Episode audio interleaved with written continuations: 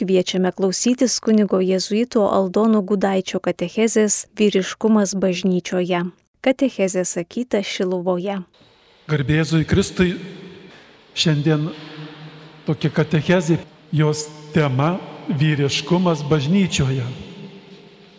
Mes žmonės esam tokie, vyras ir moteris, esam taip pat Dievo sukurti ir kartais kaip vyras ir moteris pagal šventą įraštą, kaip vyras ir moteris pagal Dievo paveikslą sukurti mes atstovaujam tą visą Dievo panašumą. Bet žmonės esam riboti ir mums reikia kartais kalbėti apie moters teises, apie vyro pareigas ar teises. Tai ir šiandien tokia tema apie tą vyrą, ne kad jį išaukštinti, ne kad jį kažkaip pasakyti, kad jis koks svarbesnis ar mažiau svarbus prieš moterį, bet vyriškumas bažnyčioje. Pradžioj truputį tokios statistikos. Prieš kelis metus Lietuvoje buvo atliktas tyrimas, Lietuvos radijas atliko tokį tyrimą apie Lietuvos moterų ir vyrų religingumą. Ir pagal tą tyrimą rodoma, kad jeigu mes kalbėtum apie bažnyčios lankymą, tai vis tiek 9 procentais pirmauja moterys. Čia dabar, kai žiūrau, vat, tai bažnyčioje sėdit, gal kokie 15 procentų bus vyrų, o daugiau moterų. Ir kitose šalyse krikščioniškose, Italijoje, Kolumbijoje, Pietų Afrikoje yra šis skirtumas dar didesnis, ten 18-20 procentų daugiau moterų lankosi bažnyčioje negu vyrų. Bet jeigu imtume Kiniją ar Rusiją ar Vokietiją, tokio skirtumo nėra. Panašu, kad ir vyrai, ir moterys tenai panašiai lanko bažnyčias. O jeigu imtume musulmoniškos kraštus, kur religija musulmonų islamas yra, tai 84 procentai daugiau vyrų lanko bažnyčią negu moterų. Tai čia keli skaičiai statistikai. Mes sakom, lanko bažnyčią ar bažnyčioje meldžiasi. Bet kai kalbame apie vyriškumą bažnyčioje, mes ne vien galvokime apie vyrus konkrečiai patalpoj bažnyčioje. Nes jeigu sakytume vyriškumas bažnyčioje, tai hierarchiniai lygmenį, tai mes katalikų bažnyčioje vien tik vyrai esam. Vyriškumas bažnyčioje aiškus yra, viskupai kunigai esame vyrai. Bet šiandien tema yra ta vyriškumas bažnyčioje, kad mes bažnyčią paimkime ne vien kaip pastatą, į kur ateinam pasimelsti, bet tas vyrų religingumas. Ir kaip žinot, šiandien Šie metai popiežius paskelbė Švento Juozapo metais. Ir taip kaip popiežius Pranciškus apibūdina Šventąjį Juozapą, jis duoda tiek daug savybių, primena tiek daug savybių, kad apie jas skaitant, man pasirodo, kad vis dėlto tas religingumas bažnyčioje, tikėjimas vyro yra daug daugiau paplitęs. Arba jeigu mes nesupriešintume, kad tai, ką vyras daro už bažnyčios ribų, kai saugoja šeimą, nors mes žinom, kad šeima yra pirmoji bažnyčios lastelė, kai uždirba šeimai maistą, kai aukojasi dėl šeimos, tai tas Švento Juozapo paskelbtieji metai mums sako, kad, kad tas mylintis tėvas šeimoje, klusnus Dievui, aukojantis dėl šeimos, yra žmogus, kuris atlieka tai, ką Dievas nori šitoje žemėje. Ir kai mes kalbame apie vyriškumą bažnyčioje, labai labai jums linkiu. Čia šiandien susirinkusios moterys, kai galvojat apie savo vyrus, jeigu dar nemirė, jie galvojat, ką jie šiandien veikia. Tai negalvokim vien tik tai, kad mes atėjom pasimelsti, o jie turbūt televizoriaus žiūri ar ko nors. Bet visą tai, ką jie kitą daro, jūs padrasinkime, kad kiti jų darbai nėra atskirti nuo Dievo. Jėzus sako tokius žodžius, nėra didesnės meilės, kaip gyvybę už draugus atiduoti. Todėl šioje katechezėje labai linkiu jums, moterys arba mes kunigai, ar jeigu jūs šeimų vaikai klausote, kad tai, ką tėtis daro, tai, ką tėtis daro kaip vyras šeimoje, jau yra vyriškumas brangus Dievo akise. Dar kartą, kai savo atsakomybę atlieka šeimoje, jis yra brangus Dievo akise. Popiežius Pranciškus sako apie šventąjį Juozapą.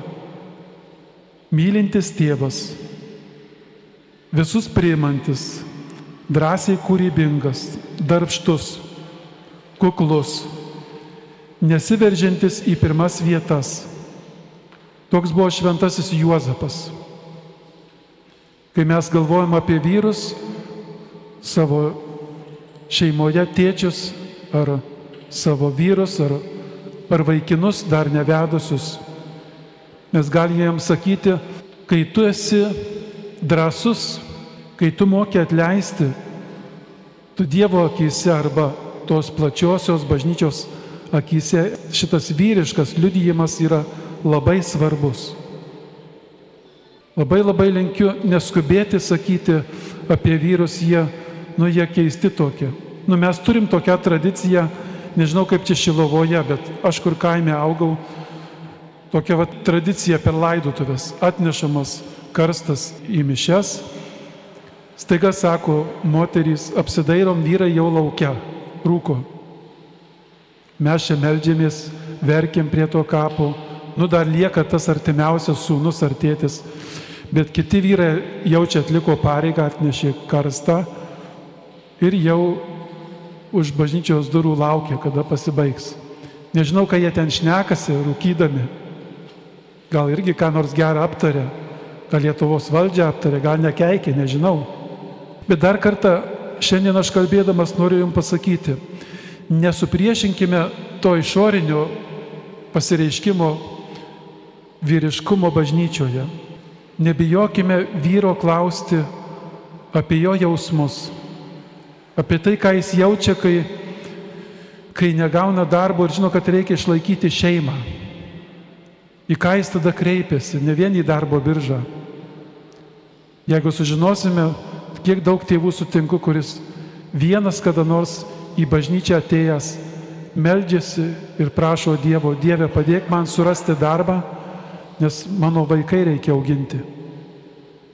Galbūt išoriniai dalykai ypač pas mus Lietuvoje tuos vyrus atbaidino bažnyčios. Aš kai augau, tarybiniais laikais, tai ką mums mokykloje sakydavo, tarybiniai laikai, tikėti tai moteriška.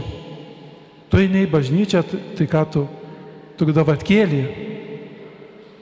Daugelis vyrų užaugo tokioje aplinkoje, kur tikėti į Dievą, melstis viešai, reikėjo daug drąsos. Aišku, aš dėkingas Dievui, kad mano šeimoje, mano tėtis, arba aš sutikau bažnyčioje tarybiniais laikais vyrų, ne vien kunigų. Nes smagu yra sutikti ir vyrus kunigus, kurie ne tik sako pamokslą gražų, bet kai pasidalina savo tikėjimu ir matai, kaip, kaip jis liudyja kaip vyras, ne vien kaip kunigas, bet kaip vyras, kad tikiu Dievą man tai kaip vaikui buvo labai svarbu. Man buvo svarbu mamos tikėjimas arba jos meilė, nes mama be galo myli besąlygiškai vaikus. Bet mano tėtis, kuris kviesdavo vakarais maldai suklaupti, o aš kaip paauglys priešindavausi, nes jau miego nori, jau keliai nuskaudo, bažnyčiai nuobodo. Bet mano tėčio pavyzdys, ir už tai kalbu, kad yra svarbus ir išoriškas liudijimas vyro būti bažnyčioje, tikėjimas, tikėjimo liudijimas be galo svarbus vyro bažnyčioje, nes mums taip duoda daug stiprybės. Jūs žinote apie Augustiną, Šventąją Augustiną. Mes minim Šventąją Augustiną ar Šventąją Moniką. Sako, koks stiprus buvo Monikos tikėjimas, keliasdešimt metų meldėsi, kol sūnus atsivertė. Bet koks yra stiprus Šventojo Augustino liudijimas, kai jis pradėjo savo raštais liudyti, kad tiki Dievą. Koks buvo svarbus šito vyro, švento vyro liudijimas. Toliau vėl aš kalbėdamas nesinori pasilikti tik tai prie, prie teorijos. Kalvodamas apie, apie šią katechezę, vis tiek gal bus tai subjektyvu, bet tie vyrai, kurie girdite mano katechezę, aš jų noriu jums pasakyti. Mano tikėjimą, kad tapau kunigu, man tikrai didžiulę įtaką padarė mano tėtis. Mano tėtis buvo tas, kuris vaikus, kai, kai mes mokykloje neįstojome pionierius ir žinot, mokykloje tada ar į spaliukus. Ir kai mokykloje reikėdavo atstovėti, kad tu vienas klasėje, ne komjaunuolis, ne pionierius, aš kaip džiaugdavosi, kad ateidavo mano tėtis į mokyklą ir mane apgindavo. Aš džiaugdavosi, kai, kai mano tėtis, mes šešiesi užaugom, yra tokį parašęs laišką. Mes buvom penki berniukai ir, ir laukėsi mama šešto vaiko, tai yra mergaitės. Gydytojai pasiūlė abortą, nes ten grėsi mamai mirtis ir taip toliau. Ir aš žinau, iš tėčio laiško, tokio gramatiškai pilna klaidų buvo, tėtis parašė tokį laišką, kai mano sesutė gimė, jis parašė laišką, tėveliai, nežudykite mūsų. Ir jis tam laiške rašo, kai jis nueina pas mamą į, į ligoninę ir mama klausia mano tėčio, kaip bus, jeigu aš gimdysiu ir numirsiu, kaip tu užauginsi tuos penkis vaikus. Ar sutinki, kad aš gimdyčiau šeštą? Ir mano tėtis su ašarom sakė, mama gimdyk, mes negalim vaikučių žudyti. Ir iki dabar tas laiškas yra pas mus šeimoje kaip, kaip relikvija. Gimė ta mergaitė ir išgyveno mama, bet mano tėčio kaip vyro pasiryžimas, kad jeigu mano žmona mirs ir reikės penkis bernus auginti, jis buvo tam pasiryžęs. Mano tėtis dabar jau pas dievulį dangui, bet man jau paaugusiam, jau į antrą pusę amžiaus einančiam, kaip svarbu tėčio vyro buvo liudijimas, tikėjimo liudijimas, malda, meilė gyvybei. Vėliau, kai buvau klierikas ir žinot, tais laikais buvo labai smagu veikti tom pogrindyje. Jaunam žmogui, ką nors veikti pogrindyje buvo tokia atrakcija. Tave persekioja, tu slapstaisi.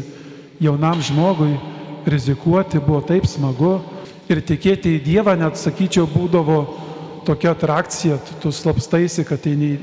Ir žinau, mes kaip klierikai vienoje vietoje pastatėme kryžių ir tenai saugumas mus susiekė, kas pastatė kryžių, jie suprato, kienos automobilis atvažiavęs, o tas automobilis buvo registruotas ant mano tėčio vardu. Ir į saugumą pakvietė mano tėtį tardyti, čia tavo automobilis, kas su juo važiavo ir taip toliau. Ir kaip mano tėtis pasakė saugume, sako, man būtų gėda, jeigu jūs mane kvieštumėte dėl mano vaikų, kad jie geria ar avarijų pridarė. Sako, man yra garbė džiaugtis dėl savo vaikų, kad jie statė kryžių. Ir mano vėl tas tėčio liudijimas, tikėjimo liudijimas man, kad aš paskui tikėjimo abejonėse rėmiausi ne vien tik mano mamos meilės arba, arba kitų žmonių, bet ir tėčio malda, tėčio ištikimybė, man tai buvo labai svarbu. Kaip sakau, gali tai labai subjektyvu būti. Ir tarp jūsų turbūt bus tie, kurie užaugot dėl mamos tikėjimo liudijimo, nenoriu to supriešinti. Bet dar kartą, tie vyrai, kurie mane girdit, yra be galo svarbu vyro kaip tikinčio žmogaus tikėjimo liudijimas. Kaip jau ir pradėjau, taip ir noriu toliau tęsti, kad labai labai jums linkiu vyrai visą, ką jūs darote, ne vien bažnyčioje, ne vien tik čia, kad kai kurie vyrai sako, kad kad būtų veiklos daugiau bažnyčioje, tai ir mes čia būtume. Jeigu ten sako, duoda surinkti pinigėlius vyrui, jau jis kažką veikia, Jeigu vaikinai patarnauja mišiuose, tau jie kažką veikia ir tada smagiau būti bažnyčioje. Jeigu gėda chorė vyrai, tai irgi sako, vad kažką veikiam jau mes, tada gera melstis, jaučiamės bažnyčios dalis. Bet mėly brangus vyrai, dar kartą, ne vien tai, ką jūs darote bažnyčioje, bet visą, ką darote už bažnyčios ribų kaip vyras, jūs galite liudyti tikėjimą. Tegul jis bus ir, ir atrodo kitiems nesuprantamas. Nežinau, jūs galbūt skaitėt internete, Danai ir Suomiai žaidė futbolą. Vienas vyras nukrito. Ir kas buvo antraštėse? Kokia buvo antraštė? Futbolistai ir taip toliau. Visi sukrėsti maldoje prašė Dievą, kad tas nenumirtų jų, jų draugas. Vyrai, sportininkai, futbolistai, gal, gal net nekrikštyti kai kurie. Kiti gal pirmą kartą apie Dievą išgirdo. Bet koks stiprus liudijimas, kai girdim, nekeikė ką nors, ne ką nors priekaištavo arba kaip nors dar kitai, bet vyrai meldėsi, kad jų draugas pasveiktų. Galbūt mes galim sakyti, nu čia tokia proga arba jau kai bėda, tai jau ir vyrai meldžiasi. Bet vis tiek kaip gražu girdėti. Galbūt tai labai paviršutiniška, kai tie krepšininkai išeina žaisti, išbėgdami persižegnoja. Bet vis tiek smagiau, kad išeidami net tris kart nuspjauna arba, arba nusikeikia. Matykime tuos vyrus, kuriems jau tas sportas, tą kamalį gainiojasi labiau negu savo vaiką, aišku, kartais, bet Taip kartais vaikiški tie vyrai, net dvi valandas kamuolį gainiojasi, kada jiems praeista paauglystė. Ne? Bet vis tiek išeidami, kai kryžiaus ženklą padaro, argi tai neliudijimas? Argi neliudijimas, kad ir ta bažnyčia plačiaja prasme vyras gali būti tikėjimo liudininkas. Jeigu šventame rašte dar kitų vietų ieškotume, toks yra Timotiejaus laiškas ką jis ten apie vyrus sako. Aš trokštų, kad vyrai visur, kur melsis, keltų rankas į dangų be pykčio ir nesantaikos. Jau Timotiejaus laikais, jau Timotiejaus laikais, krikščionybės pradžioje Timotiejus sako, jeigu vyro rankose bus malda, jeigu iškeltos rankos ne ginklą laikys, bet, bet sakykime, maldos sudėtos rankos, jos gali pakeisti pasaulį. Nes vyro taika arba vyras be pykčio ir be nesantaikos gali keisti pasaulį. Tai kaip girdite, šiandien mano ta katechezė apie vyriškumą bažnyčioje norėčiau taip reabilituoti tuos vyrus, jeigu mums atrodo, kad jų bažnyčioje nėra arba ką jie dabar veikia. Nu, šiandien, jeigu būtų graži diena, tai kur nors lauko darbus dirba. Bet gal nesakykime, at vyrai, sekmadienį dirba, didelę nuodėmę daro. O gal mes damiesi sakykime, Dieve palaimink tą duoną, kurį jie sėja. Jie dar nesupranta, kad tai Dievo palaimos. Žiūrėkime į juos, kad ir tai, ką jie šiandien daro, daug kur auko savo sveikatą, savo jėgas. Ir žinoma, tie vyrai, kai jūs klausote Marijos radijo, aš vis dėlto manau, kad vis daugiau ir daugiau, ne vien tik tai moterys paskambina ir, ir klausimus teikia. Kai aš būnu kartais ten klaus drąsiai, vis tiek kas trečias, kas penktas ir vyras paskambina. Ir klausimai būna kartais labai labai gilūs. Galbūt po 30 metų, kai mes praeiname tą, tą kartą, kuri augome tarybiniais laikais, bent aš dirbdamas Kaune bažnyčioje jėzuitų vis daugiau matau vyrų, kurie ateina su šeima į bažnyčią. Arba per pirmą komuniją šiais metais vis daugiau matydavau, kai prie išpažinties pirmos eina vaikelis ir tėtis kartu. Ir tai ne vienetai. Ir šitie vyrai man irgi yra tokie, kurie tarp draugų liudyja savo tikėjimą. Nes vyram liudyti tikėjimą bažnyčioje netaip dar sunku, bet tarp savo bendramžių, tarp savo darbovietės ir visur kitur yra didvyriška pasakyti, kad tikiu į Dievą, kad melžiuosi, o dar einu iš pažinties. Tai iš vis užbaigti savo šitą katechezę noriu tokiu pavyzdėliu. Vėl apie vieną kunigą vyrą, nes kaip sakiau, kunigai yra vyrai šiuo metu, taip yra katalikų bažnyčioje. Ir vėl tas vyriškas būdas nešti santaiką arba nepasiduoti pykčiai. Teko būti Romoje, ten jezuitų buvo, buvo toks susirinkimas ir kiekvieną dieną, kai aukodavo mišes, vis kiekvienas kitas jezuitas, toksai buvo iš Afrikos, jėzuitas, jis pasakydavo pamokslą.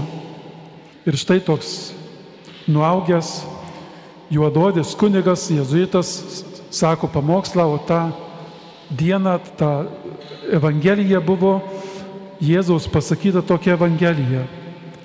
Mylėti priešus, mylėkite savo persekiotojus, nekeikite, laiminkite juos. Ir tas kunigas tokį pavyzdėlį sako, Važiuoju automobiliu. Romoje, jeigu kas nors važiavote automobiliu, tai tenai, oho, oho kaip reikia mokėti važiuoti automobiliu, kad kur nors avarijos nepadaryti.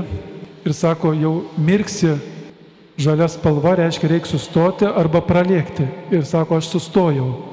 Šalia manęs privažiavo kitas automobilis, kuris norėjo pralėkti, bet aš jam sutrukdžiau. Sako, atsidarė langatas, kitas vairuotojas ir šitą žmogų kuniga keikia visokiais žodžiais. Kur tu stovi, ko tu stovi, reikėjo pralėkti. Tas kunigas sako, man taip sukilo visi jausmai, kokios tik turiu. Atsidariau langą ir prisiminiau, kad Jėzus sako, reikia laiminti.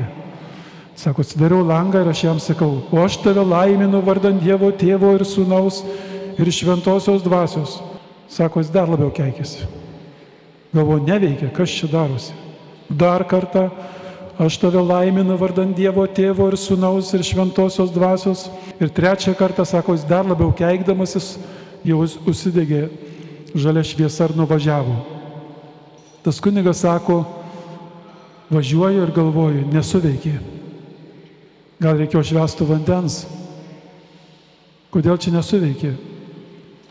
Paskui sako, važiuoju, galvoju, suveikė. Aš tai nesikeikiau.